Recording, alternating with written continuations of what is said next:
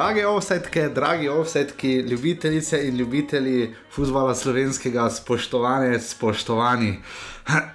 Lep pozdrav v 64. osedu oddaji o futbalu slovenskem, o srečku Katancu, o naši res fenomenalni, no, fenomenalni, ne bomo vrtiravali, ampak res tokrat navdušujoči izbrani vrsti in pa seveda v prvi ligi Telekom Slovenije, eh, našem bazenu, kar se tiče slovenskega nogometa. Eh, veliko debitantov.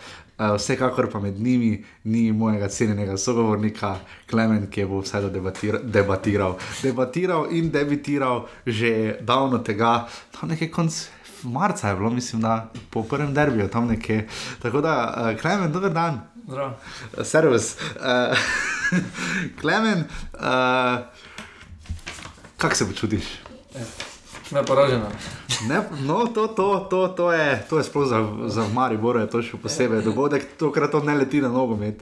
Uh, najprej moreva, ne moreva mimo najbolj uh, nujne zadeve, ki je seveda uh, izstopala v teh dveh dneh. Uh, je tam bil penal, no? ko je imel le igro z roko. Zdaj se ne moreš sklicevati na zvezdke za nekaj. ja, zdaj se ne morem, zdaj se lahko na gospoda Kujpersa in na nizozemsko nogometno zvezo. Uh, uh, je pa zanimivo, ne? Uh, tam včeraj na tekmi Poljska Slovenija, ko je imel, ko ga je žoga zadela v roko, tam je bil včeraj penal, veš za koga? Z Olimpijo. hec, hec na stran, hec na stran. Uh, pozdravljeni v 64. osedu še enkrat, uh, kjer se bomo tokrat pogovarjali o kvalifikacijski tekmi z Malto, kjer je Slovenija odnesla, odkuder je Slovenija odnesla vse tri točke, zmagala za ena proti nič. In pa potem uh, z prijateljsko tekmo na Polskem, ki je bila bolj malo prijateljska, šlo je kar orang za res. Uh, Eh, ne samo po prekrških, pa pristopu 40 gledalcev, niti najmanj ni bila tekma, ki bi samo štela za lestvico FIFA in za nas medije, kot je še na Malti, v kraju, ki ga bo Klemen izgovoril. Uh, ne. Pravi, no? ne, mislim, da ni niti napisano. Uh, mislim, da je ta kala. Jaz sem bil na Malti, bil sem tam, bil sem na tistem stadionu, ki je Marijo igral za Birkir Karo, ampak si tudi jaz ne spomnim, kako se pravi izgovori. Ampak lepo. Zdušalo, Ja, podobno, uh, podobno godba je. Godba je zelo, uh, vidim, da nikaj dosti repertoarja niti spremenila. Um, tako da, ja, uh, oddajo, pozdravljeni v Offside, oddajo v futbalu slovenskem, naši in vaši prvi ligi Telekom Slovenije in slovenski izbrani vrsti oziroma izbranih vrstah, ki jo poslušate na iTunes, smo dobili še kako oceno, tako da tam res dajte oceno, da bodo videli tudi tisti, ki uh, tako kot naši sodniki, ne vejo, kaj je offside.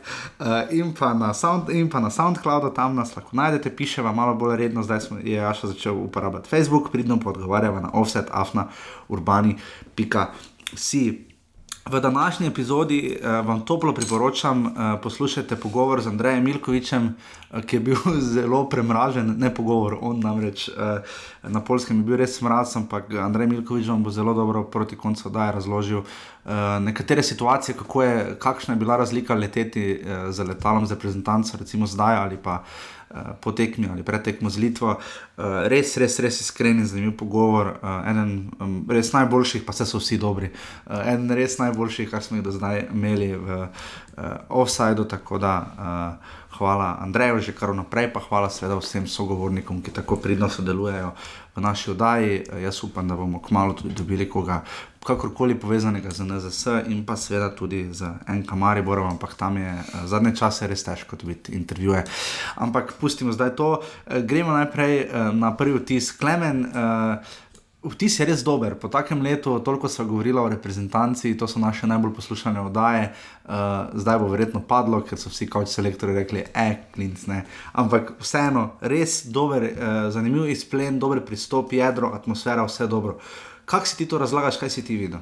Um, ja, mislim, da so uh, popravili zelo, uh, tudi se na lisici, uh, primerjavi z uh, prvo tekmo z Litvo. Smo se zdaj popravili, smo na drugem mestu, tudi prijeli smo tekmo, včeraj smo odigrali uh, na dobrem nivoju, uh, ogromno debitantov, uh, ne glede na to, da je ogromno igralcev tudi manjkalo, uh, uh mhm. -huh. skoraj polovica, oziroma celotna ja. prva, prva enajsterica. In smo. Uh, vse do 80 minut držali tudi zmago. Uh, na koncu smo zadovoljni tudi z 1-1. Uh, je pa res, da je zdaj dolgi premor. Uh, zdaj pa je res premor do 4 mesece, ne? do 26. marca. In je No, takrat se lahko ogromno zgodi in uh, bomo videli. Ne. Odvisno od prestopa, poškodb, uh, statusa v njihovih klubih. Tako da za nadaljevanje tega kvalifikacijskega ciklusa še bo treba videti. Da, v kar neposredno.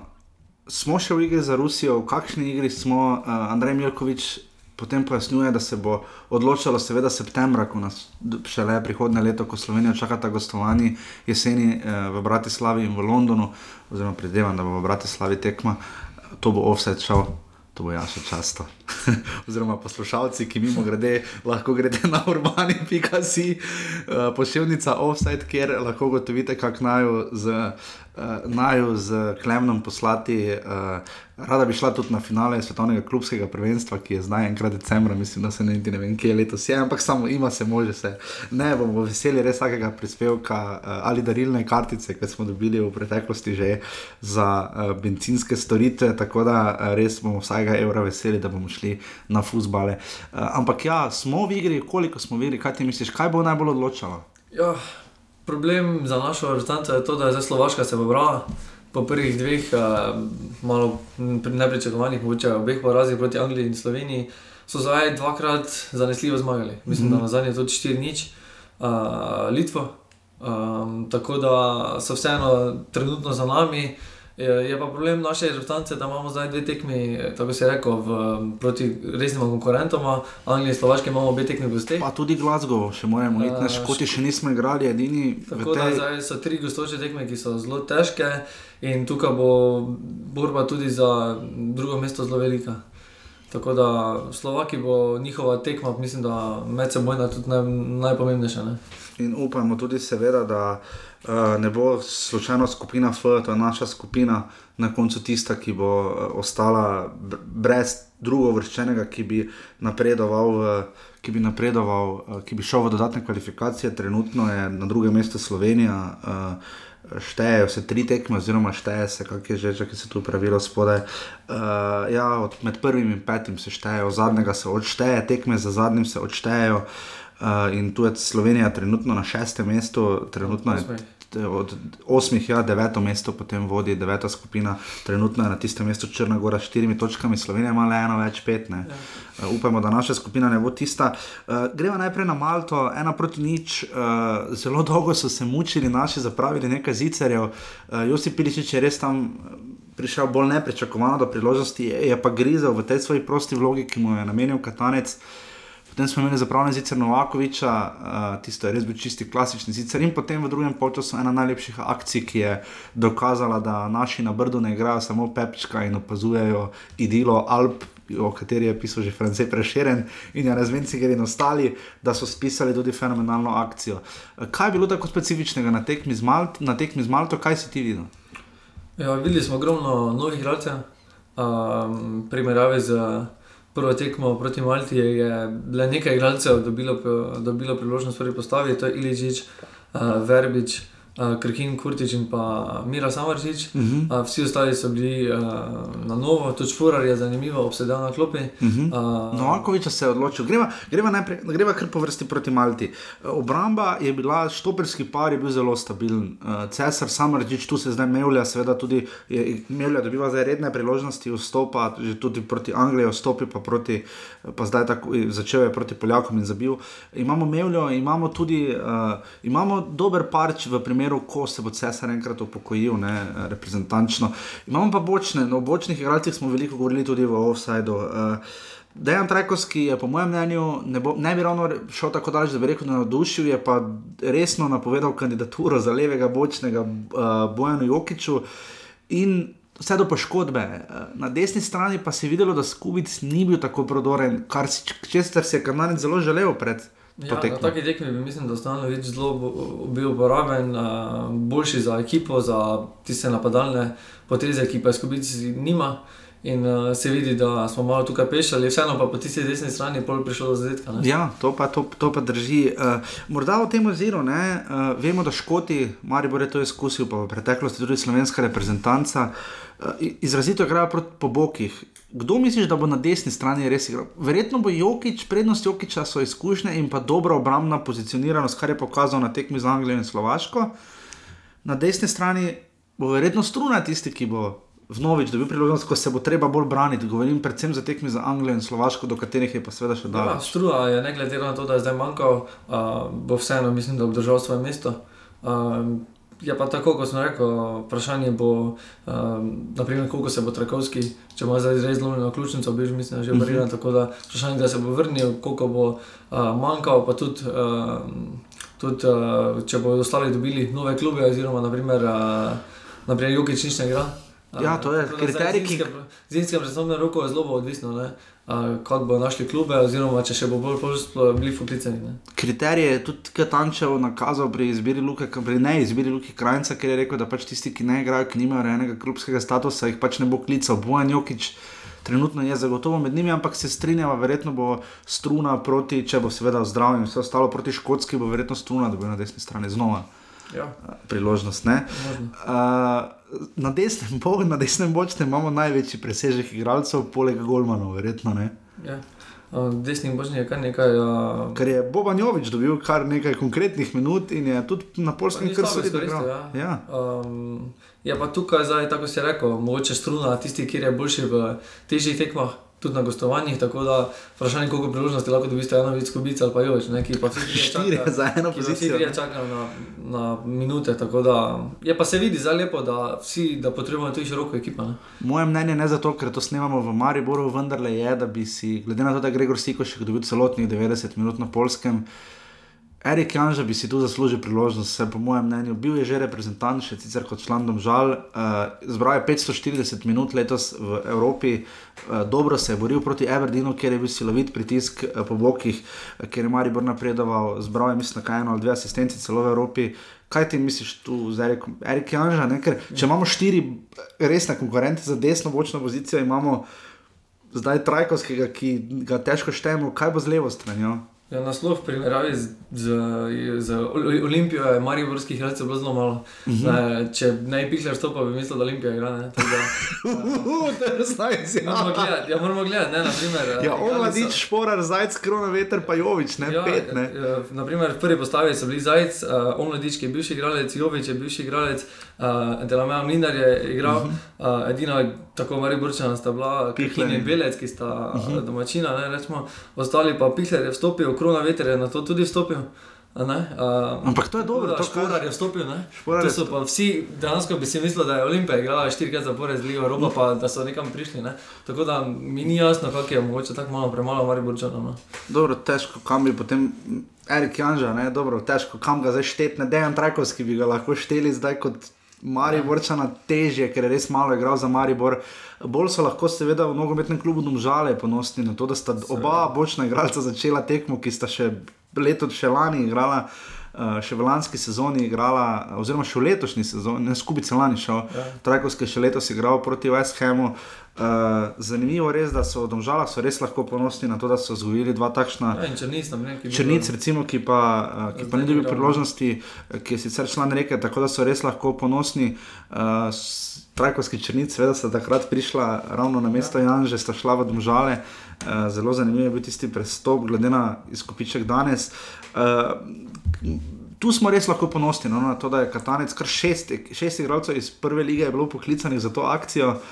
To je res ogromno. Jaz sem vprašal Slavka Jariča, mojstra statistike na MMC, koliko je rekord. Pa je rekel, da že dovolj časa zbira te podatke in da je to vprašanje, že, koliko, koliko je bilo največ slovenskih igralcev poklicanih za eno reprezentančno akcijo. Uh, tako da še trenutno ne vemo podatka, vemo pa, to bo zdaj Klemen razdelal.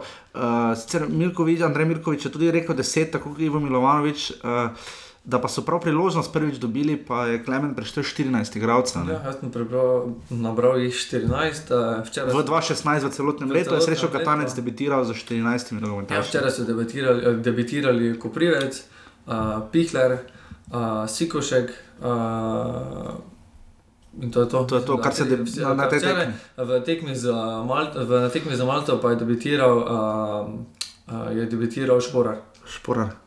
Boban Jovič je pa proti Švedom, mislim, ja, da bi nekaj ja, minut. Ja. Ja. Uh, pa Trakovski. Pa Trakovski. Ja. Dva eh, na tekmi proti, um, proti Črni Gori. V Kopru je Jelenič, Makedonija. Makedoniji. Makedoniji, vedno neka balkanska. ja. takrat so debitirali Jelenič, ki je takrat naprej več ni poklican niti. Debitirali tudi uh, Zajca, grad, uh, debitanti, debitanti so tudi Krona Veter, ki debitira proti Švedski. Uh, in da bo Slovakom. Vrhovec, ki je takrat debitiral. Ki se je izgubil. Uh, ja, uh, debitant je tudi Mevlja, ki je včeraj dobil zadetek. Uh, uh, ter Črnci, ki pa je debitiral, to pa ne vem, kje je tekmi debitiral. Na eni, tudi mislim, da Švedska ali Turčija. Ja, Struna pa je debitiral zdaj uh, v prejšnjem ciklu. Uh mhm. -huh.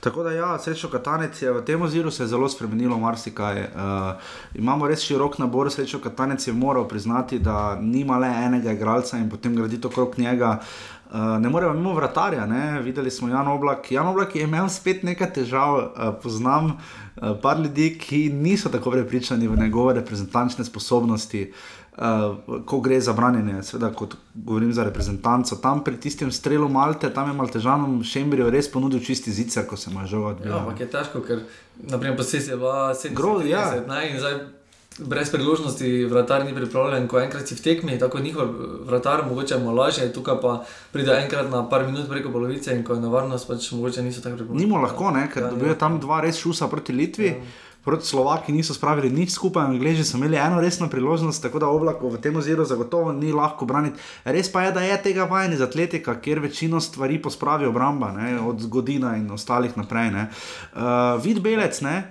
je branil šele tretjo tekmo, pa se nam zdi, ko on stopi v gol, kot da je vse po starem, kot da je reden, kot da redno brani za reprezentanco, neverjetno dobro. No? Ja, mislim, da imamo tu kar, eh, tudi ko privec je na to stopil, tega smo videli v teh dveh tekmah. Se ti ni zdelo malo kot trenerju bizarna menjava, sedem minut pred koncem Poljaki so ravno mislim, stiskali. Ne. Mislim, da je toliko, da še eh, prejšnji ciklus proti Slovaški Angliji je bil zraven, eh, da bo nekaj priložnosti vseeno dane. Absolutno ne, v tem zdaj, demokratičnem oziru. Zdaj, zdaj, da bi vstopil na primer, ovako zadnjih sedem minut bi bilo to še bolj dobro. dobro, do napada še seveda pridemo in velikega vprašanja, kaj bo z Mili Vojem Novakovičem, ampak dajva, ne dajva zdaj, ne.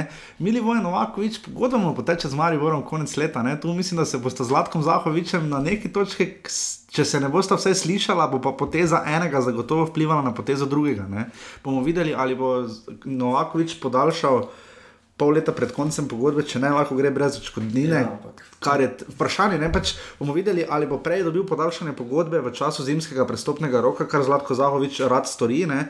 Vemo, da Zlatko Zahovič rad to upravi takoj za začetkom novega leta. Uh, bom, ali bo pa čakal, ali ga bo Katanec potem poklical za marčno akcijo? Jaz mislim, da pri svojih letih, vprašanje, če se še lahko kam predala, pa če lahko še nadaljuje, mislim, da bo zaključil kariero v Mariboru. No, Zdaj, pri svojih letih je vprašanje za tujino, če še ima smisel uh, se podati, uh, po mojem, pa še bo podaljšal. Pa...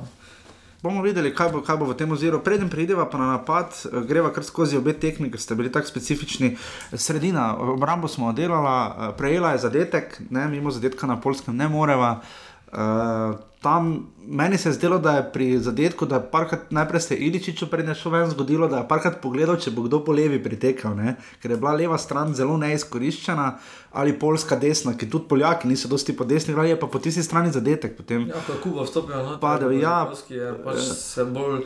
Oni so imeli malo drugačno strategijo kot našo. Mi smo že v startu začeli z B-ekipo, oni tudi. Ampak, ampak so, oni so potem jačali, da ne bi izgubili. Oni so potem pojačali, uh, prišli so možnejši igralci noter nas pa smo še tisto B ekipo še poslabšali. Prišel je Delameja Mlinar, ki po mojem mnenju ni neki reprezentančni material. Ja, zadetek je bil prešel ja. na rovaš, najprej korona vetra, ki ni uspel staviti prvega prodora, potem je žoga prišla do Blaščikovskega, ki se je sprehodil mimo Gregorja Sikoška, potem pa žoga v sredino, kjer se pa Mevlja in Delameja Mlinar nista dobro razumela. Tako malo je podoben gol bil, kot smo ga dobili proti Litvi.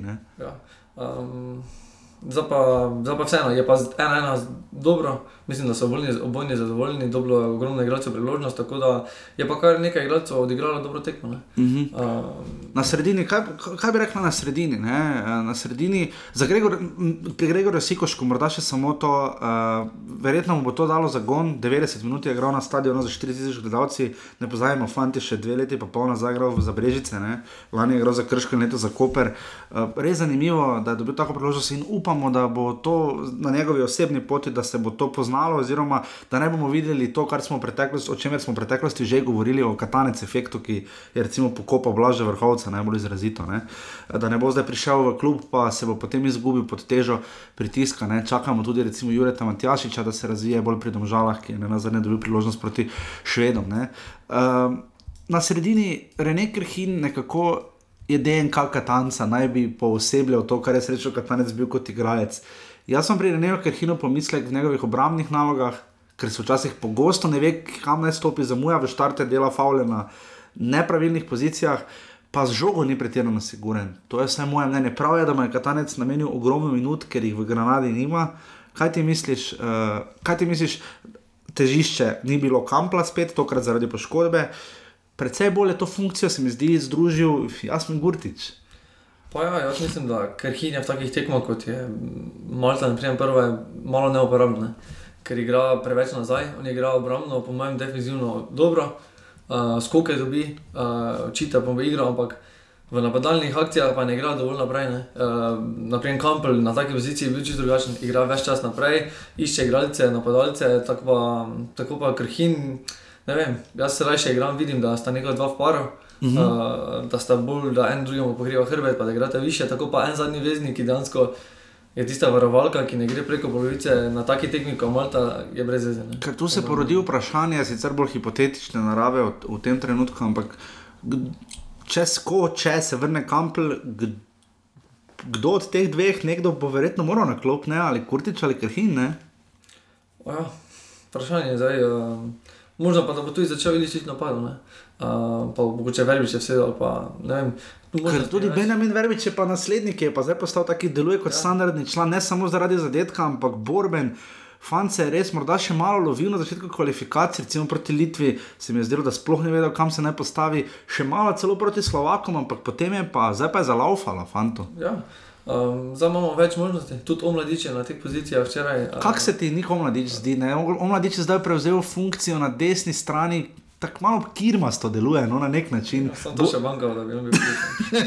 ne, ampak ima ta pozitivno, kar, je, kar so cenili selektori, pri, tako Kek kot Katanec pri Andražu Kirmu, to borbeno stek, morda z žogo ni tako spreten. Vendar vseeno je omladič, je kar, na malem prostoru, kar dobro odigral. Je zasenčil Walterja Birsa? Puh, pa mislim, da je bil samo malo drugačen gledalec. Uh, vseeno pa je omladič primerjavi z takrat, ko je igral za Olimpijo, ogromno predoval. Uh mhm. -huh. Mislim, da je, je se zdaj pokazal, da je lahko odlična zamenjava. Da lahko mogoče taki joker sklopi, kot je bil včasih pečnika, pa podobnega. In mislim, da bodo bile priložnosti še več. Zdaj, Ja, še se drži za glavo in gleda dol, ker se spomni, kakšen zdevek je neco pečniku kričal v ljudskem vrtu, ko je zadnjič v nenovinarski funkciji šel na tekmo in žalo vse po spisku. Uh, ne, uh, zanimivo je nekaj, ne? Katancu sta dve menjavi, sta mu zdaj uspeli, ker je tako. Probaj se spomniti, ko sta stopila Mevlja proti Angliji, pa potem tudi Omladič, ne smo tako malo gledali, malo čudno, zakaj, odkud zdaj ta dva, ne? ampak poglej, obema je ratalo, ne? Omladič je dobro na desni strani, Mevlja je stabilen v obrambi, doj zadetek. Manjkamo še pa tudi tretja menjava. Ne? Tretja je pa tista neka taka biserna, ki bi naredila razliko, to, kar je bilo korona veter proti Angliji. Ne? Tega pa trenutno se zdi, da nimamo. Igrali smo, samo, igrali smo brez napadalca, tehnično gledano. Igrali smo 4-6-0. Je ja, pa res, da jih je ogromno manjkalo. Tudi Berič je manjkal, Kampel, Bezjak. Bi, ja, ki bi mogoče zelo bila uh, uporabna. Je pa res, da bi črniti na tekmi eh, prišel zelo uporaben. Čudno, da je šel, ne, da, da je šel ja. domov. Zakaj? Ja, mislim pa, da je mogoče poškodba. Mogoče poškodba, ker bi ga za to tekmo imel Matic nekaj. Na napadalnih eh, pozicijah imamo še kar nekaj rezerve, tako da ob, ob, ob povratku teh eh, poškodb. Eh, Smo, mislim, da še dosti močnejši. Jaz sem zelo velik zagovornik Miha Zajca, mene osebno je zelo zadovoljil za svojo predstavo, mnogo bolj kot rok Krona Veter, ki če smo iskreni, zdaj zgleda, da je bila tista tekma Slovaško višek njegovih sposobnosti v tej izbrani vrsti. Tudi v Ljubljani, v Olimpiji smo videli, da zelo niha v tej sezoni, pa je potem recimo dal Eurogol proti Kopru in odločil tekmo prejš, pre, prejšnji oziroma predprejšnji vikend. Uh, Miha Zajec, efekt njegov in roka krona vetra. Je Miha Zajec se, se zdaj dokončno strinja, strinja z mano. Je moje mnenje prepotentno, preveč radodarno do Miha Zajca, da je fant prerastel slovensko ligo? Pa mislim, da bi se moral primerjava z omladičem, ki je predolgo čakal v slovenski ligi, zdaj se je predal, uh, odšel v močno prvenstvo, uh, v Nemčiji je ogromno tekem igral na višjem nivoju in se vidi, da je napredoval. Tudi druga nemška liga, ne? ker recimo še igra Mišo Brečko. Ne, glede na to, da druga nemška liga je. Pa dedič tudi igra tam še ne. Je, je, je, je dovolj velika, oziroma dobija dovolj priložnosti, da lahko napreduje. Uh, in je vse skupaj na večjem nivoju kot Slovenska liga, tako bi isto Zajec moral iti v drug klub, katerem pa bi igral. Ne? Kaj pa rok korona uh, veter, on pa ni mlad, ne? Ja, vprašanje, on lahko gre mojem v, take, v, v, v ta, takšne lige, se po mojem več ne bo prodal, kot naprimer Zajec zdaj razmišlja in, in, in ima možnosti za prodajo. Vseeno pa mislim, da si še lahko, kako sezono dve, dobro pogodbo ustvariti tudi na tujem. Kaj pa napad? Vedeli smo, da je tekma s, pol, s Poljaki, specifična Poljaki, so v resnem na leto, očitno ljudje res živijo za reprezentanco, za razprodan stadion 4119 gledalcev. Ampak vendarle z napadom pa imamo težave. Slovenska zbrana vrsta je dala zdaj skupaj 6 golov na 9 tekmah v letu 2016, to je malo. Ne? To, kakorkoli bomo obrnili, je malo na prijateljskih tekmah smo zdaj dali prvi gol, uh, drugi gol, da je Roman Bezjak, pa podaj Benjamin Verbiča na Bonifiki proti Makedoniji, in zdaj smo dali še drugega, ko je bila v bistvu set pis akcija, podal je Iličič, predvsej pozabljenemu Mevli, ne, ki je res sjajno zadev. In videli smo igrano akcijo Benjamina Verbiča, napadalcev sploh ni pri zadetkih zraven, ne. zdaj pa to že res postal resen problem, eh, kar se tiče ja. res, da napadalcev ni bilo zraven teh, na katere mislimo, ni pa res, da ni bilo napadalcev, ne? ni bilo tistih, ki bi jih morda pričakovali, ampak vendar videli smo Novakoviča, ki je zapravil zicer in imel kar nekaj težav, sicer je probo z Iličičem na Malti kombinirati in videli smo potem stop šporarja, ki pa je bil precej odrezan in osamljen. Če hočemo v Rusijo, če mislimo, da je to stvar vrnstva, bo treba dati zadetke, zadetke praviloma lažje dajo napadalci. Ne? To je res, ne? ampak vseeno smo zdaj mislim, da petič zapored, brez poraza. Uh, to vseeno nekaj šteje, dobili smo dva zadetka v štirih tekmah, v tem konživaciji ciklusu. Da uh, je pa res, da smo jih dali štiri, uh, to smo takoj za malce. Uh, Stali smo pred zadnji po številu zadetkov. Ampak dali, ni, ni morda tu, ni morda tu, uh, Klemen, ni morda tu vendarle bojazen, ki se je pokazala na Malti. Če Slovenija ne da zadetka, kot se je pokazalo tudi v Litvi, ni bilo pa usodno proti Angliji ali proti Slovakom. Uh, da če ne da zadetka, pa postane potem rahlo žučno. Oziroma, videli smo to na Malti, ne? imeli smo sicer nismo dali gola in smo ga skoraj dobili. Ja, pa mislim, da to malo krivo tudi od uh, tega, da so manjkali ti stebri v, v, v napadu, nosilci igre. In, uh, mislim, da se bo to popravilo. Robert Berič in Roman Bezak se zdi, da ne dobita takega zaupanja, kot ga recimo zdaj, da bi imeli Vojno Vakovič, ker se je zelo dolgo čakala na Malti z menjavo s Šporarjem. Ne? Ja, ampak tu treba zavedati, da Šporar je naredil zelo velike preskoke. Iz 21 v članski ekipo je zelo velike preskoke. In, se je poznal. Ja, se je postopoma. Ampak zato sem ga ravno pričakoval v prvi postaji, mogoče na prijateljski tekmi, ampak je pač dvakrat stopil, je pa dobil dovolj minut. In, ja, drugi počas zdaj je zbral, tam mislim, da je skupaj zbral. Dober polčas. 52 minut, mislim, da je že. Ja, stopil, pa je. tam je 8 minut, ja, koliko je dobil. Da, na Malti. Tako da, kaj zdaj z napadalci, ne? malo smo že skoraj da pozabili. Če se spomnimo, dobro tekme z Litvo, s, smo imeli težave v napadu, ne? tam sta mislim, da bere čim bezek igrala. Ja, um, zdaj pa imamo vseeno malo več uh, možnosti napadov, zdaj ko se je Verbič uh, in omladica se zdaj dokazala. In... Ti to šteješ kot napad? Pa, Če glede na to, da Bezek je napadalec, pa ne gre napadu, pa Iličič, ki ni napadalec, gre napadu, je vprašanje, kaj je napadalec. Bomo igrali 4-6-0, Vicente del Bosque, nek pa nov mislim, sistem. Da kar ustreza, no? da damo Iličiču prosto vlogo, videla se je, da, da, da se nam zelo povrne. Da ogromno priložnosti ustvarja in, in je dober v tem, da se špara malo v, v napadu. In Iličiču je to trenutno v teh dveh ciklih zelo strezalo.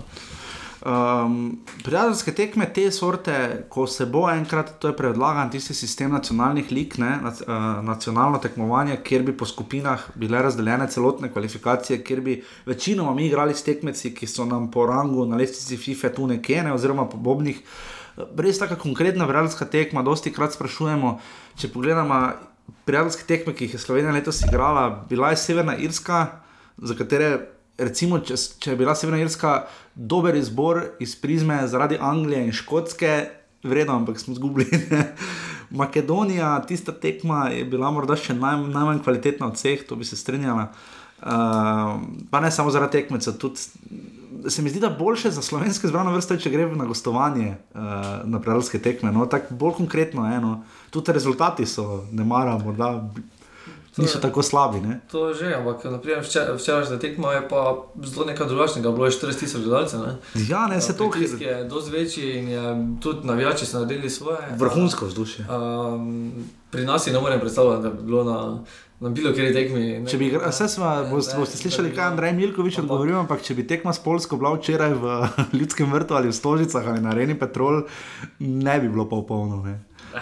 Tako da zdaj uh, ti igralci so pa, po mojem, ogromno odnesli včeraj.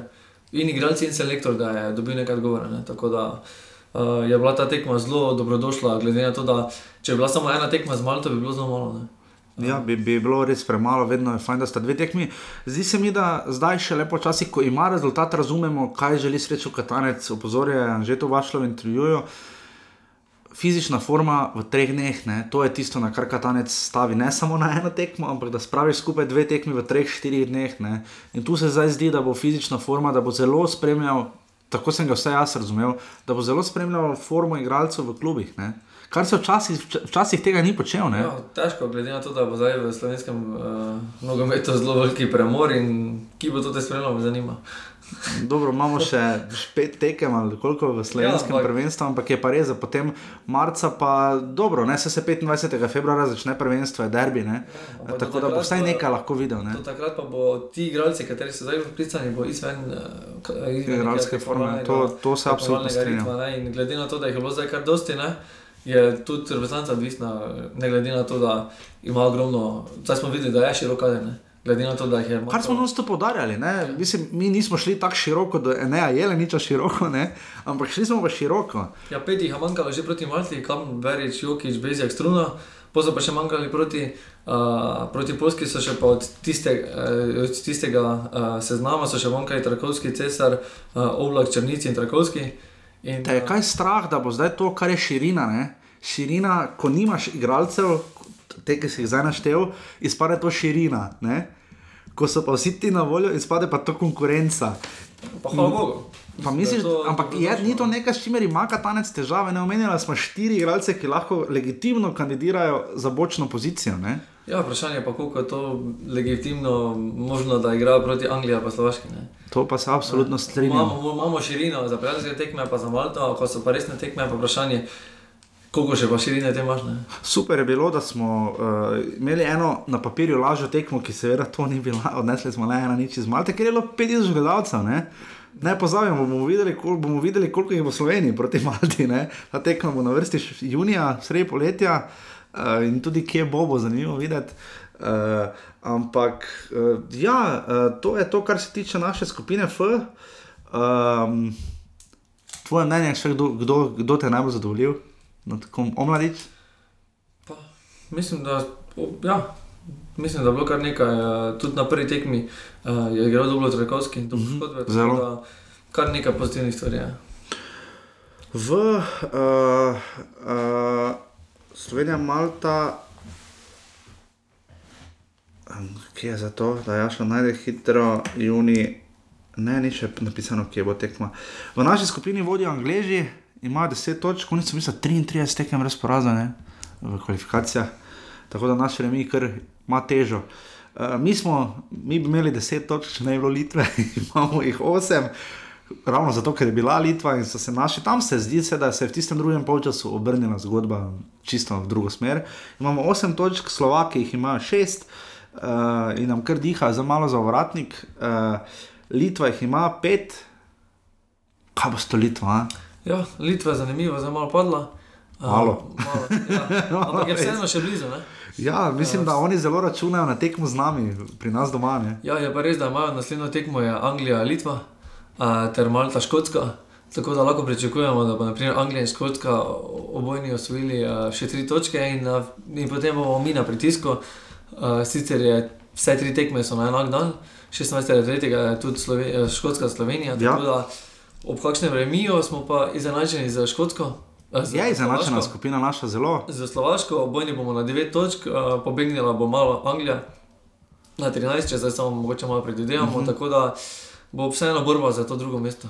Ja, vse kaže na to, da bi naj škoti zamenjali selektorja ne, po zelo suverenem porazu v naši skupini. Tri gole z glavo so jim zabili Angleži v Embliju, Angleži danes igrajo za Španci, mimo grede. Uh, To snemamo, seveda, v torek, 15. novembra, smo tokrat malo predstavili. Škotska ima štiri točke, kar se v tem trenutku zdi zelo oborno, in seveda Malta bo, kot kaže, suvereno zadnja, ne, uh, z nič točkami, ampak z dobrimi predstavami. Tudi na Wembleyju so bili zelo suvereni, ne, res. Uh, to je zdaj že ja. krilatica, da so pač ni več malih reprezentantov je le ma, mala miselnost Tomasa Millerja, kot so mu lepo, zelo dobro in pronicljivo napisali iz, uh, iz, um, slo, iz uh, San Marina.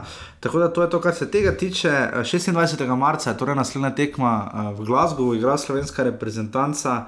Uh, Klemen vam je že povedal, kateri dve tekmi ste takrat. Na sporedu, tudi v naši skupini, uh, ki bo pestra do samega konca, ne, res uh, Res bi bil taki moment, jaz se pač spomnim, res, kot sem že enkrat omenil, tistega gostovanja na tehane pole v Bratislavi. Če bo dober moment, bo tudi navijači zraven in bo obisk slovenskih navijačev precejšen v Bratislavi in v Londonu. Ne. To je res, ampak na koncu konca pa drugo mesto še ne zagotavlja. Niti ni nujno, niti ni nujno, da si v dodatnih kvalifikacijah. Tudi če si na dodatnih, lahko dobiš težke nasprotnike. Lahko dobiš, ja, mi zagotovo ne ja, bomo nosilci. Tako da če bi se seveda tja uvrstili. O čemer zdaj lahko legitimno razmišljamo, mislim, da to ni eh, pretirano, pre, ne pretiravamo, če lahko počasi, malo pa vendarle pogledujemo uh, gor in dol. Uh, po koledarju. Tako da to je to v 64. osedu, kar se tiče, kar se tiče reprezentance, sledi pa, kot že povedano na začetku, se vam bo zdaj zelo kvalitetno razbrcal Andrej Milkovič, uh, Uh, potem pa vam z Renejem, za konec z Renejem, z Klemnom. Lepo zdrav, Renejo. Uh, eh, za Klemnom vam bomo potem uh, še uh, povedala, uh, vam bo Klemen podal strokovno oceno za menjave Jana Zažilnika v Radovnjah. Tako da zdaj pa bo brcal Andrej Mirkovič.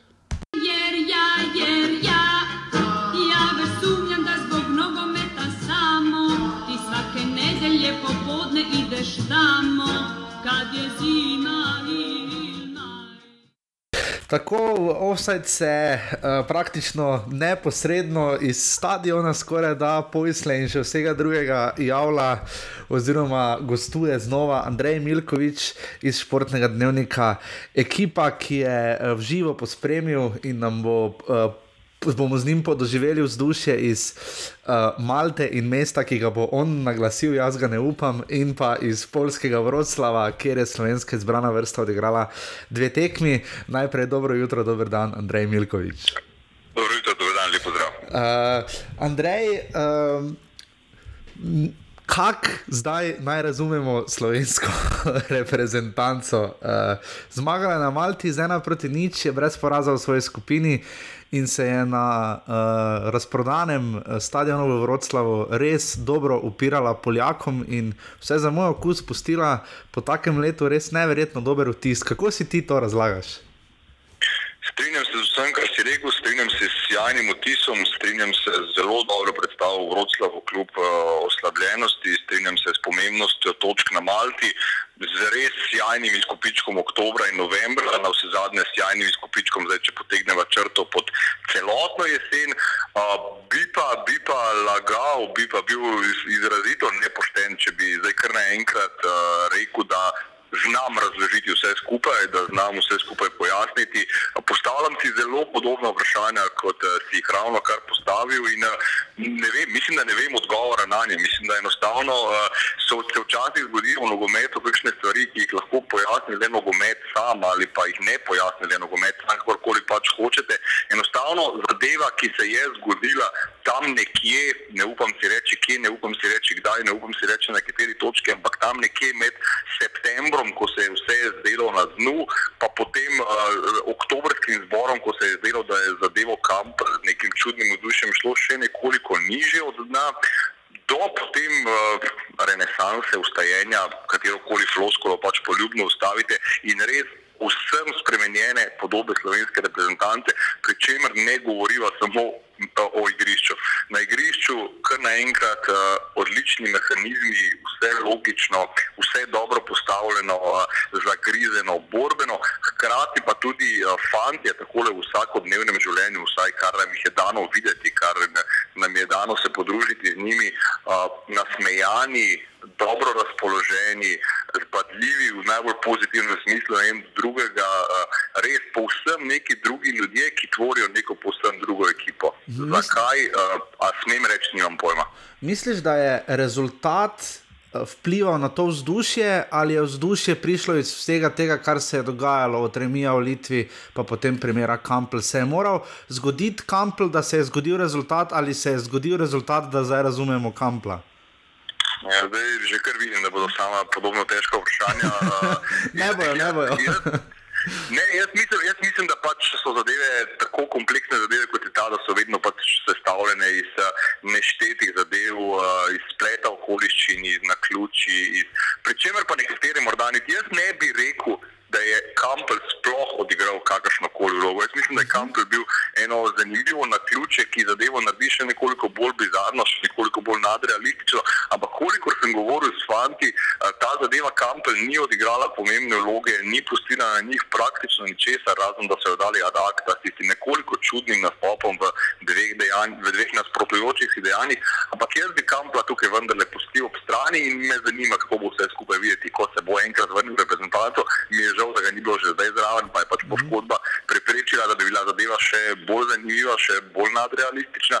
Ampak po drugi strani se je pa po mojem zgodila kupica enih zadev, od nekega upora proti odnosu javnosti do nekega upora proti odnosu medijev, do nekih osebnih zamer. In očitno so te malce ali pa precej negativne zadeve, ki so bile v zraku v tej nogometni slovenski sferi, pustile zelo do, do, do, dobre zadeve pri reprezentantih oziroma v njih zbudile tisto, kar so morali zbuditi. Zdaj, bog ne daj, da bi rekel, da smo novinari s svojim kritiziranjem, pisanjem, poročanjem in kakorkoli v fantih zbudili najboljše in da smo mi odgovorni za preporod.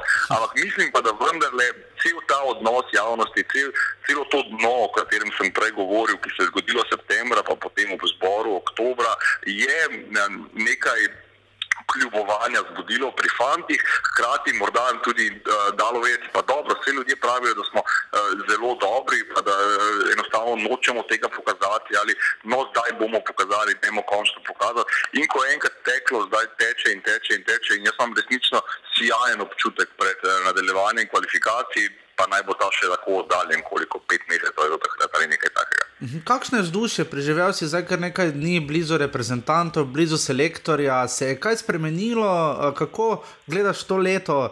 Če pogledamo od takrat na začetku leta, pa potem Litva in tako naprej, kako je bilo zdaj na Malti in na Polskem? Imeli so dva, dve kar, kar orangostovani, kar se kilometrine tiče, kar nekaj časa so preživeli skupaj, potovali skupaj. Kako si to, kako, kako si to videl, kako je v reprezentanci?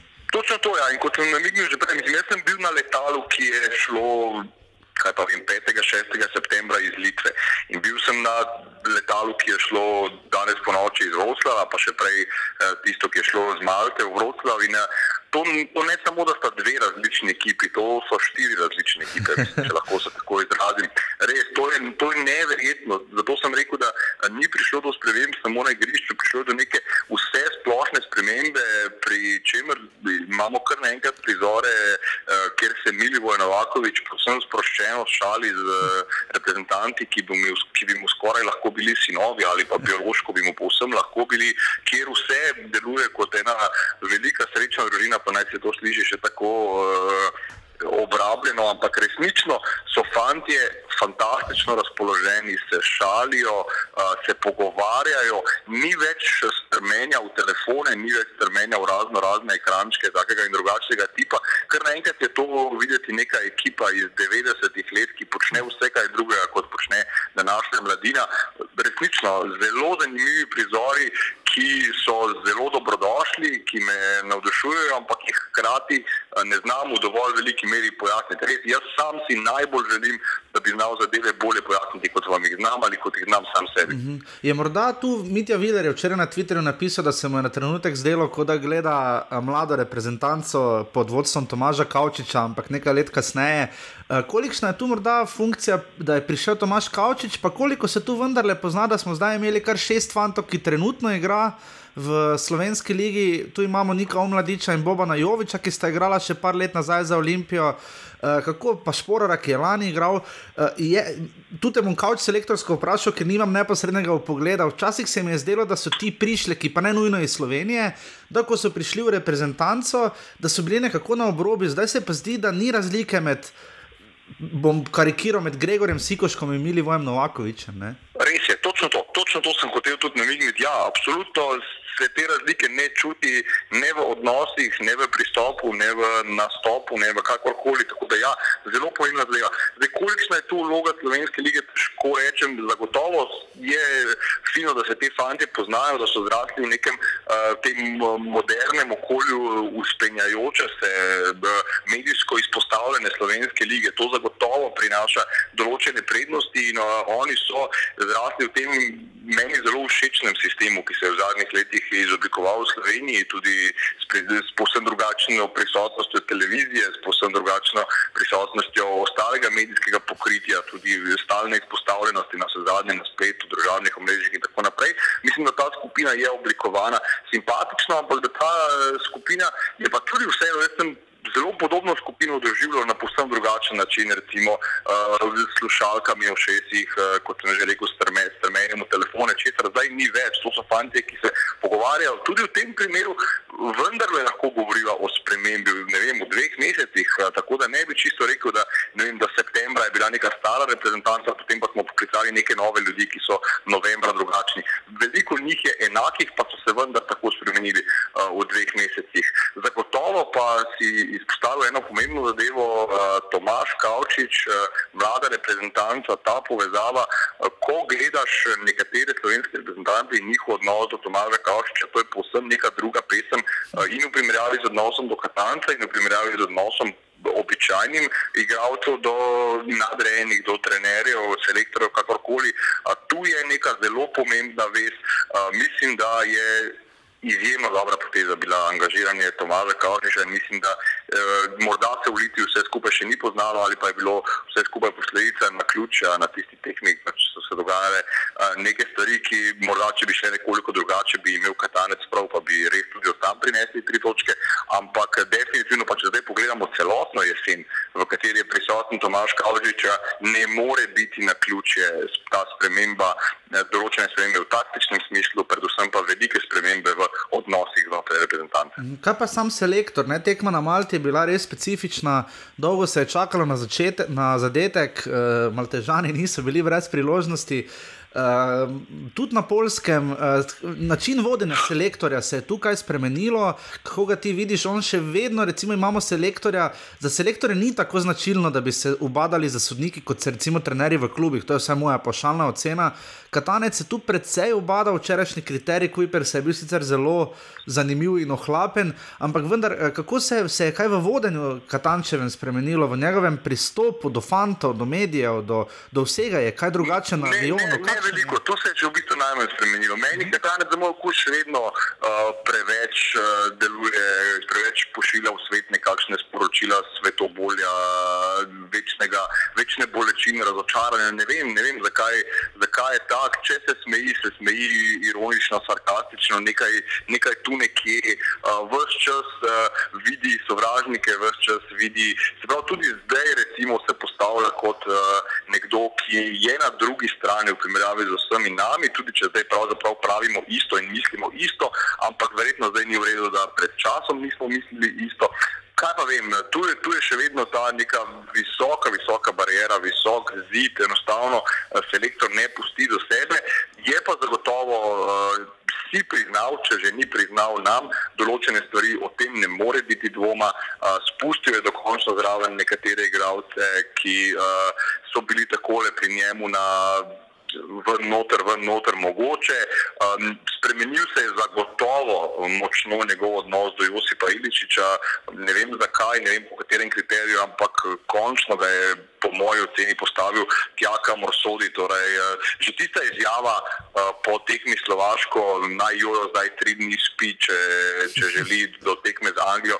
Mislim, to, je, to je drug svet v primerjavi s Katancem in njegovim odnosom do Iličiča, ki smo ga poznali prej, ko je Iličič moral biti eden od enakih, uh, ko je za njega veljalo isto kot za Kirma, ko bo tekel toliko kot Kirem, ko bo toliko kot Kirem to.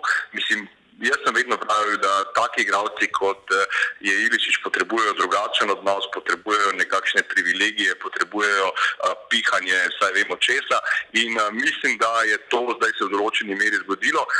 Tukaj bi potem morda rekel, kaj pa če vendarle je zadeva Kampor odigrala vsaj v tem pogledu določeno uh, vlogo, če recimo Katanec ob tem, kar se mu je dogajalo s Kamplom ali kar se je zgodilo s Kamplom, začutil, pa dobro, se nekaj pa moram spremeniti, ne, moram se, ne more se mi spet zgoditi, da bi uh, izgubil stik nekako s temi vodilnimi reprezentanti, da je morda potem uh, čisto podzavetno zaščitil vsaj Iličiča, bil tudi zdaj spravljiv in mislim, da bo uredil tudi zadeve s Kamplom. Morda pa se je v tem pogledu vendar nekaj spremenilo, je tu uh, Kevin uh, naredil nekaj dobrega, ne hoče. Bil si pri Kevinu Kamplu, kako kak si ga osebno začutil v tej, predvsem kauč-selektorski funkciji, ne? če on je v Nemčiji, uh, misli, da je zvezda, to, kar so mu tu učitali. On osebno, kako deluje, kako, ker vedno prebiramo in od njega razumemo, da res živi za slovenski futbal in da mu ogromno pomeni. Kako si ga ti osebno doživljal? Jaz sem ga predvsem doživljal kot nekoga, ki eh, absolutno ima to reprezentanco, absolutno ima to državo, eh, ni na ključe, torej njegove življenjske odločitve niso na ključe in jaz mu verjamem, da tudi v tem trenutku, ko bi. Eh, bodimo si na jasnem, že imel zagotovo nekaj nastopov za nemško izbrano, tudi takih ali drugačnih. Ne rečem, da bi bil uh, eden od uh, članov dane enesterice in zvezdnika, ampak zagotovo bi v tem trenutku že imel kakšno tekmo za Nemčijo in mu verjamem, da mu tudi v tem trenutku ni žal, da je enkrat za vse izbral Slovenijo. Hkrati pa ga vidim kot fanta, ki uh, najteže dojema to uh, bariero in drugačnost uh, srečka Katanta. Mislim, da tu so res težave še večje kot katerim koli in drugim igralcem, ampak škoda, no, da se je to zgodilo ravno v tem trenutku, kajti no, se zadnje med tistimi igralci, ki so najbližje Tomažu Kavčiču, je ravno Kampel in morda, če bi nekoliko bil še bolj potrpežljiv, bi se tudi v tem pogledu stvari uredile. So pa določene zadeve, ki njega še bolj motijo pri selektorju, pri načinu nekaterih odnosov in življenja v reprezentanci in to bo moral nekako pregledati ali pa se pogovoriti s Katancem. Andrej, če bi ti pred letom ni rekel, da bodo na polskem pred 40 tisoč gledalci tekmo končali v obrambi v Golu, ko privec. Sikošek, uh, Mevlja, Delamea, Mlinar in Boban Jovič, bi se zdelo nemogoče, zdaj se to zdi še kako mogoče. Katanec je zelo uh, dal veliko priložnosti igralcem. Mislim, da je letos, če sem prav si zapomnil številko Iva Milovanoviča, dal desetim novincem letos priložnost, kar je ogromno. Res je, uh, Res je, je... To je ogromno, to je ogromno. Hkrati pa, hkrati pa je tudi naše, zdaj sploh to jesen, naše kar nekaj igralcev, ki so precej prej sicer obstajali, ampak vendar jih v marsikaterem pogledu ni bilo. Tako da uh, ponudijo priložnost popolnim novincem, ponudijo neke nove priložnosti ljudem, ki so se uh, zdeli izgubljeni. Uh, Čisto je, je recimo, položil zaupanje v Benjamina Verbiča, uh mhm. -huh. imamo nekega povsem novega Jasmina Kurtiča, ki je bil v očeh marsikoga uh, konec, uh, nimaš več kaj in enostavno ne daš ničesar za reprezentanco. Imamo povsem spremenjenega, že omenjenega Josipa Iličiča, imamo še nekaj uh, takih primerov in uh, ogromno se je zgodilo. Uh, in, uh, Marke česa ni mogoče ali pa je težko razložiti, pa morda pa je pri vsem skupaj to najlepše. Sej, mm -hmm. uh, meni je nogomet vedno bil posebej bil pravno zaradi tega, ker se preprosto zgodijo nekatere stvari, ki še najbolj spominjajo na uh, neke paranormalne pojave v kakšnih res čudnih filmih, ampak nogomet je res čisti čudež in uh, lepo ga je spremljati včasih tudi zaradi tega, ker ga ne znaš pojasniti. Mhm. Kako, bomo, kako si bomo, Andrej, pojasnjevali katančeve izbire v bodoče? Tu se včasih zdi, da nastane srč problema. Če novinari vprašajo, še za katerega od igralcev, ki ni bil poklican. Eh, največja konkurenca se zdi na obeh bočnih položajih v obrambi. In veliko vprašanje bo tudi napad, ko bo enkrat konkurenca, ko se bosta, če se bosta vrnila v polni meri uh, Roman Bezjak in pa Robert Berič. kaj je tu za, za vprašanje Novakoviča, oziroma teh vprašanj je malo more, ampak če, če malo razdelava, oziroma če razdelaš, prosim, za poslušalce samo to izbiro, po katerem ključu se bo Katanec odločal. Uh, bo, bo, bo Jokič igral, kakšno bo stanje Novakoviča, kako bo z temi novimi fanti, zdaj je šporar, da bi priložnost, ne da bi, jo, ne da bi Katanec ga v prvi meri sploh poklical. Kaj misliš, čemu, k čemu se bo Katanec nagibal, k neki preverjeni verziji ali bo vendarle malo za Kaučičem in Alešem Čehom spremenjal morda nekatere odločitve? Jaz mislim, da je Katanec en pomemben korak naredil pri zadevi, ki se meni zdi zelo pomembna in to je, da je začel reprezentanco voditi tako, kot selektori vodijo moderne reprezentance in jo je nehal voditi kot da gre za klub. Uh, pogosto sem imel pri Katancu občutek, da je enostavno vem, zbral fante marca in želel nadaljevati tam, kjer je končal novembra. To pomeni zaupati istim ljudem na enak način, po enakem sistemu in se enostavno obnašal, kot da je pet mesecev en teden. On je pač imel svojo skupino, ki jo je pošiljal na igrišče, ki je zaupal, ki jo je gradil, ampak uh, mislim, da je reprezentance v tem konceptu svetovnega nogometa trenutno uh, so ekipe ki jih v danem trenutku na določeni točki sestavljajo trenutno najbolj razpoloženi igralci. Torej, ne vem, primer francoske reprezentance v letošnjem letu, če bi vam nekdo januarja ali februarja rekel, da bo Dimitri Pajet prvi zvezdnik domačega evropskega prvenstva, bi se mu smejali, ampak Pajet je odigral fantastičen spomladanski del sezone za West Ham, nepomemben klub v, v kontekstu francoskih reprezentantov in dejansko prišel v Francijo, kjer so mu eh, dali vse v roke, kjer so mu rekli, enostavno v tem trenutku igraš tako noro dobro, da bi bilo nesmiselno ti dati eno od vodilnih vlog. Mislim, da je Katana začel razmišljati vsaj približno na tak način in da bo dejansko forma v tistem trenutku uh, podoba nekaterih reprezentantov ključna, ne več toliko neke stare zasluge, ne več toliko neki stari koncepti, ne več toliko neka nesmiselna gradnja. Mislim, da, so, da se je tako reprezentance vodilo pred 20 20 ali 30 leti, zdaj pa dejansko je treba v danem trenutku pogledati najbolj razpoložene, najbolj vroče, najboljše in resnično verjamem, da se bodo ti marca naši reprezentanti, potem pa najboljši med njimi pa tudi na igrišču. Kar zadeva pa Katanče odnos do novinarjev, ko gre za vprašanje o konkretnih igralcih, je pa pogosto tako, da mislim, da ima Katanec to neko obrambno reakcijo, kjer neposredno se postavi v bran, če ga vprašajo za kogarkoli, potem pa po nekaj mesecih, ne vem, pogleda nekaj primerov. Pred dobrim letom smo Katanca spraševali, zakaj ni v reprezentanci Renija Kerhina, uh -huh. pa si danes ne predstavljamo udarne enajsterice brez njega.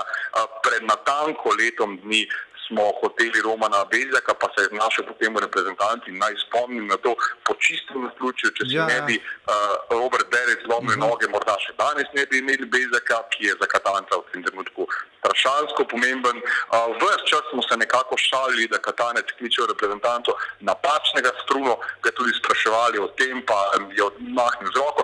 Danes tistega prejšnjega strune ni več, medtem ko je novi, eden najpomembnejših članov reprezentante, in tako naprej. In tako naprej. Torej, Katanec na vsako vprašanje, na vsako upozorilo reagira z obrambnim mehanizmom, potem pa po nekaj mesecih pa vendarle nam da pri določenih stvarih prav. In uh, tako da v tem trenutku morda smo zelo najbližje nekemu uh, slovenskemu nogometnemu konsenzu, jaz upam, da bomo tudi naprej pluli v to smer. Andrej, v Osajdu smo imeli najbolj poslušano oddajo o reprezentanci v tistem tednu uh, po tekmi z Anglijo. Uh, reprezentanca je, kolikor vem, tudi na ekipi, predvidevam, da naj, med najbolj branimi, če ne najbolj brana stvar. Uh, kdaj boste vi upravili kakšen nov intervju z srečnim Katancem? Naša želja je intervju s srečnim Katancem v tem tednu. Uh, tudi ne bom rekel, da ga imamo obljubljenega, je pa bila ta možnost eh, z njegove strani uh, resno izpostavljena, ko smo jo hoteli imeti oktobra. Tako da tak je načrt, uh, jaz upam, da ga bomo tudi izpeljali. In še to, obetajo se volitve za predsednika NZS. Včeraj smo dobili novo kandidaturo, ta je bila izrazita, izrazito politične narave, gospoda Nemca. Kako ti to pospremljaš, oziroma kakšno težo zdi se, da precej veliko bo to imelo tudi na reprezentanco? Ne? Zdaj imamo, koliko vem, tri kandidate, gospoda Mijatoviča, gospoda Simiča in zdaj še gospoda Nemca. Kako ti vidiš ta efekt, kaj bo vplivalo in v katero smer se volitve nagibajo? Težko rečem, moram po točko ena podariti, da birokracija, vodstvene strukture, da me to v nogometu nikoli ni privlačilo. Vem, da more biti, vem, da obstaja, vem, da so to gromozanski posli, gromozanski konglomerati strukture, ampak res, ko razmišljamo o nogometu, ko pišemo o nogometu, ko delamo o nogometu, delamo tisti lepši strani, v kateri se vsi pretvarjamo, da smo eni od njih in oni eni od nas. Torej, o čud, čud, tej čudoviti igri, ki jo spremljamo, ki si jo drznemo moramo verjeti, da lahko na njo vplivamo, da lahko ona vpliva na nas, da je vse pristno, vse čudovito. Po drugi strani, seveda, vem, da stvari niso take, zato tudi malce pospremim zadeve, ki jih je pač treba pospremiti. Volitve, težko je reči, se vemo, ena opcija je nekako vrnitev v preteklost, ena, ena opcija se zdi nadaljevanje, vsaj tako tudi poudarja Razen Komijatovič, aktualne struje, vsaj v smislu delanja po začrtani poti. Tretje kandidature pa res ne poznam, razen da poznam ime človeka, da poznam njegove dosedanje dosežke na vseh področjih, ampak težko pa rečem, kaj njegova kandidatura pomeni v nogometu. Se bom moral pozanimati in pa tudi videti, kaj nam bo vsem skupaj gospod Nemec predstavil. In za konec, v letu 2017, uh, eh, kaj misliš, kam lahko poseže slovenska reprezentanca, glede na izkušnje, oziroma kaj, kaj kaže v tem trenutku, da bo najbolj odločalo Slovenija sama o svoji usodi? O izbirah, o načinu vodenja ali tudi tekmeci. Ne? Videli smo, da je Slovaška razbila Litvo. Ne? No, jaz mislim, da vedno v največji meri odločajo samo sebi v nogometu, tako, tako to je in tako mora biti. Zdaj pa kar pa zadeva napovedi za celo leto, veš, kam bi prišla, če bi ti pred dvema mesecema dal napoved za preostanek tega leta in kako bi se ta napoved končala.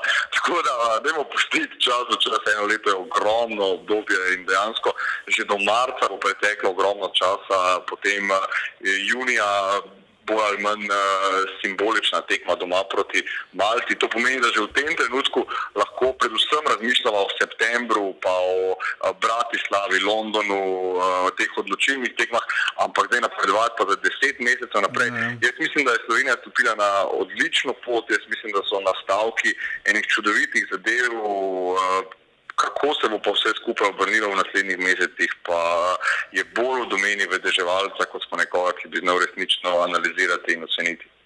In še to, Andrej, za, za, za res konec, uh, bi, če bi še enkrat zbiral, kam bi šel raje na tekmo, na Malto ali na Polsko. Na Polskem je bila tekma malo bolj pestra, na Malti je bilo pa bolj toplo. Ja, absolutno, absolutno.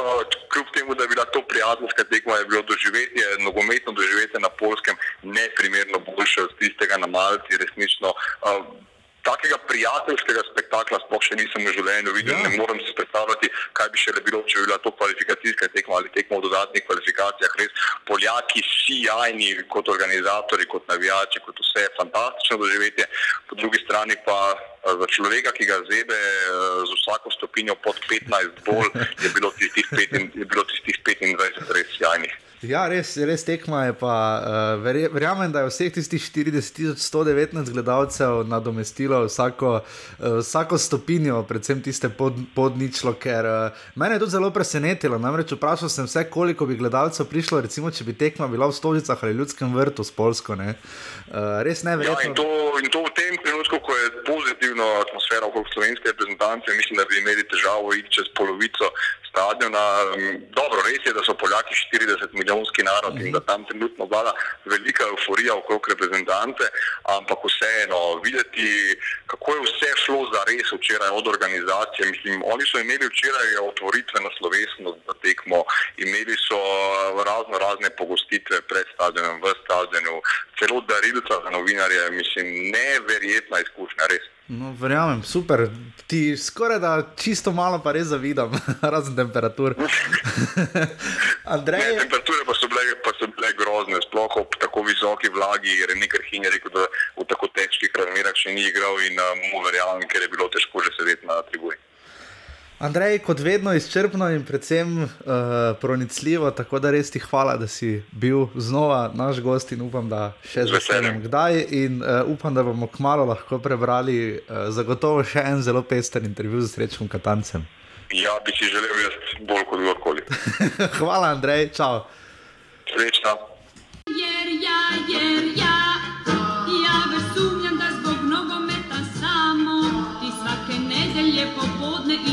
Tamo kad je zima Tako, to je bil Andrej Milkovič, hvala Milko tu še enkrat, da je vnovič uh, po neprespani noči prišli so šele ob 4 zjutraj, prišel šele domov iz uh, tega reprezentačne akcije in si vedno zjutraj utrga čas, kar je res hvale vredno in res toplo pozdravljamo in smo Iberfaced fajn hvaležni v offsetu. Uh, ja, to je bila torej slovenska reprezentanca, uh, uh, kateri se bomo bo skrbno malo pogledali po 15. decembru, ko bo znan predsednik nogometne zveze Slovenije, kar ni majhna funkcija takrat bo seveda tudi že konec. Uh, Uh, konec državnega prvenstva, v katerem se bomo vrnili, seveda naslednji ponedeljek. Uh, jaz sem nedolžen, še seveda, offside. Uh, Litva ima 12 offsajdov, zanimivo, uh, da vodi še vedno naprej v naši skupini Slovaki, jih ima 9, mi jih imamo 8, Škoti 5, Anglija 4 in pa Malta 2 offsajda. Um, tako da to je, kar se tega tiče. Um, Ja, vrnila se bo slovensko državno prvenstvo, se bo vrnila seveda ta konec tedna z uh, eh, 17. krogom, uh, cel je rudar, šaleški derbi, uh, to je v soboto ob 14. uri. Uh, vsi so zelo pridni bili s prijateljskimi tekmami, uh, minuli, uh, minule dni Olimpije, igrala s Kijevom, ne? Ja, ena, ena. ena, mislim, da je bilo Marijo res izgubil, z Inter za presičen Marijo, res ne grejo rezultatsko te prijateljske tekme med reprezentančnim premorom, že zadnjič so proti mačarskemu klubu, katerega ime sem pozabil, izgubili pa še dve poškodbi nabrali. Uh, cel je rodar, krško koper, uh, upamo, da ne bo državalo v krškem ob 16. uri, Gorica Olimpija, derbi kroga ob 20.15 soboto in potem nedeljo uh, Kidričevska trava bo gostila domžale, ob 14.00 in potem ob 16.55 Radomne Maribor. Uh, Radomljani so ostali brez Jana Zažilnika, ki je bil tako super gost v našem offsajdu, eden res prijetnejših sogovornikov, kar se trenerjev tiče, tako res specifično zgovorno miselnost. Trener, ki je hodil na izobraževanje, ki je bil na Islandiji, pa so se tako hitro po treh mesecih odločili, da bodo prekinili z njim sodelovanje. Ne? Ravno kot tudi rezultatsko niso bili tako šlo. Ja, to je že tretji trener. Ne? Ja, uh, drugi. Čuranovič. Ja, pa, ja, pa pa žilnik. Zdaj, prije, Zdaj pride pa tretji. Zdaj že prije, mislim, da bivši pomočnik Rafa Beniteza. Uh, mislim pa, da je Dave. Dave, nekaj. Ja. nekaj ja. uh, pa še on je, ko zgleda začasno. Uh, in, in mislim, da bo kar zanimivo obdobje, ko oni komaj čakajo uh, ta premor.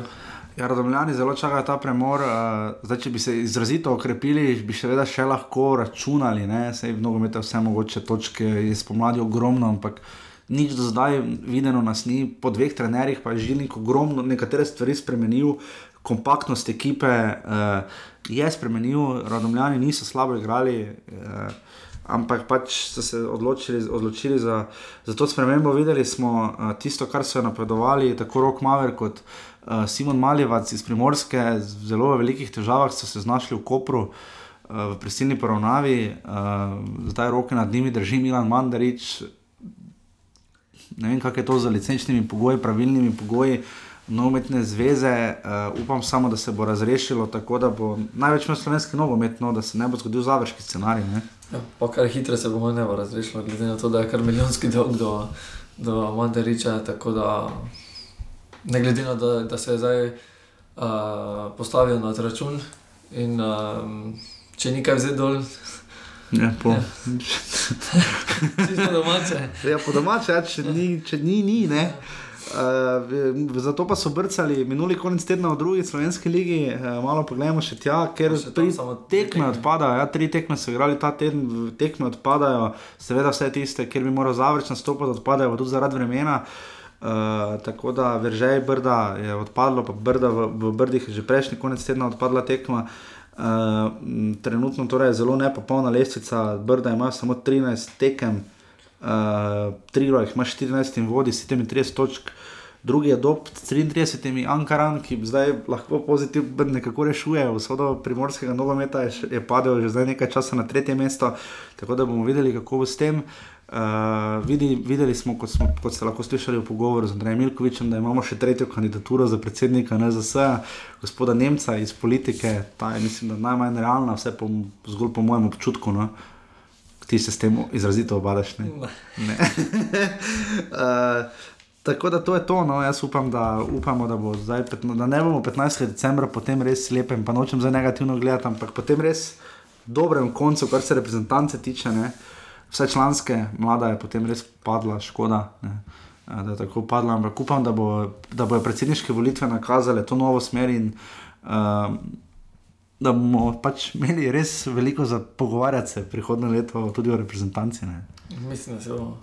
To se v vsakem primeru bomo, ampak uh, zgolj tvoj občutek, ti, ki ne spremljaš toliko teh birokratskih zadev, ampak koliko na, ne, vendar je o Aleksandru Čeferinu sva ogromno govorila v offsajdu, uh, spomnimo se ere Ivana Simniča in pa še bolj seveda Rudija Zavrla, koliko tak tebe, recimo, konkretno vplivajo te predsedniške volitve.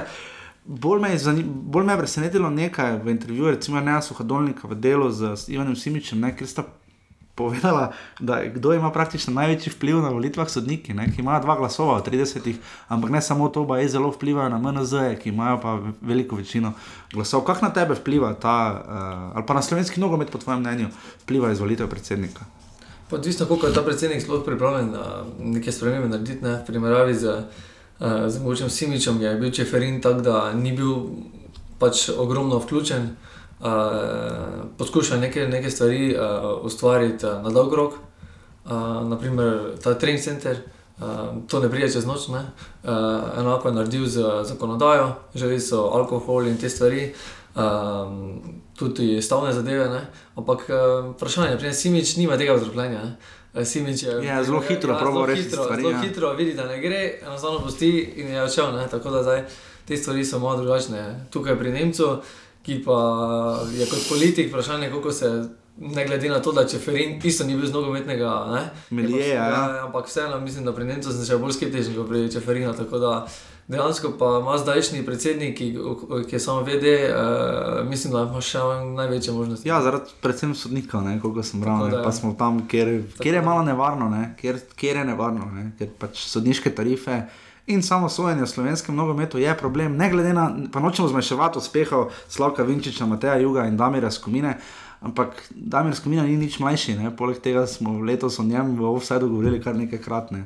Bi pa bilo malo žalostno, če bi si slovenski sodniki na koncu po tarifah, ki jih imajo, izvolili pa še svojega, svojega predsednika na zasajanje. To, to je pa potem skrb zvajajoče za celoten nogomet. No? To je samo moje mnenje. No? To je. to je bil 64. offset, drage poslušalke, poslušalci, offsetke, offsetki. Uh, vrnemo se torej potem v ponedeljek, ne klemen, 21. novembra. Uh, klemen pogleduje proti datumu, je, proti koledarju, kot da mu je koledar kaj žal storil, 15. v mesecu je. To, Maribor, to, to je dober termin. Ja. to je bil torej 64. offset, Klemen. Eh, hvala Andreju Milkoviču, da si je vzel čas in da se je prebudil, ne seveda posebej za offset, ampak da je zdrdral res lucidna mnenja. In pa hvala Klemen tebi, ker kot poudarjam, vsako oddajo bolj brez tebe offseta ne bi bilo. Tako da hvala tebi, zdaj boš pa vrnil uslugo tako. torej, eh, drage dame in gospode, če se znajdete v offsetu, uh, držite pesti še naprej, atmosfera je v redu, je rekel se rektor Katanec. Tako da, če se znajdete v offsetu, nič hudega, atmosfera je v redu in fajn. Tako da slišimo se pa spet naslednji ponedeljek v 65. offsetu. Hvala, čau. Adje.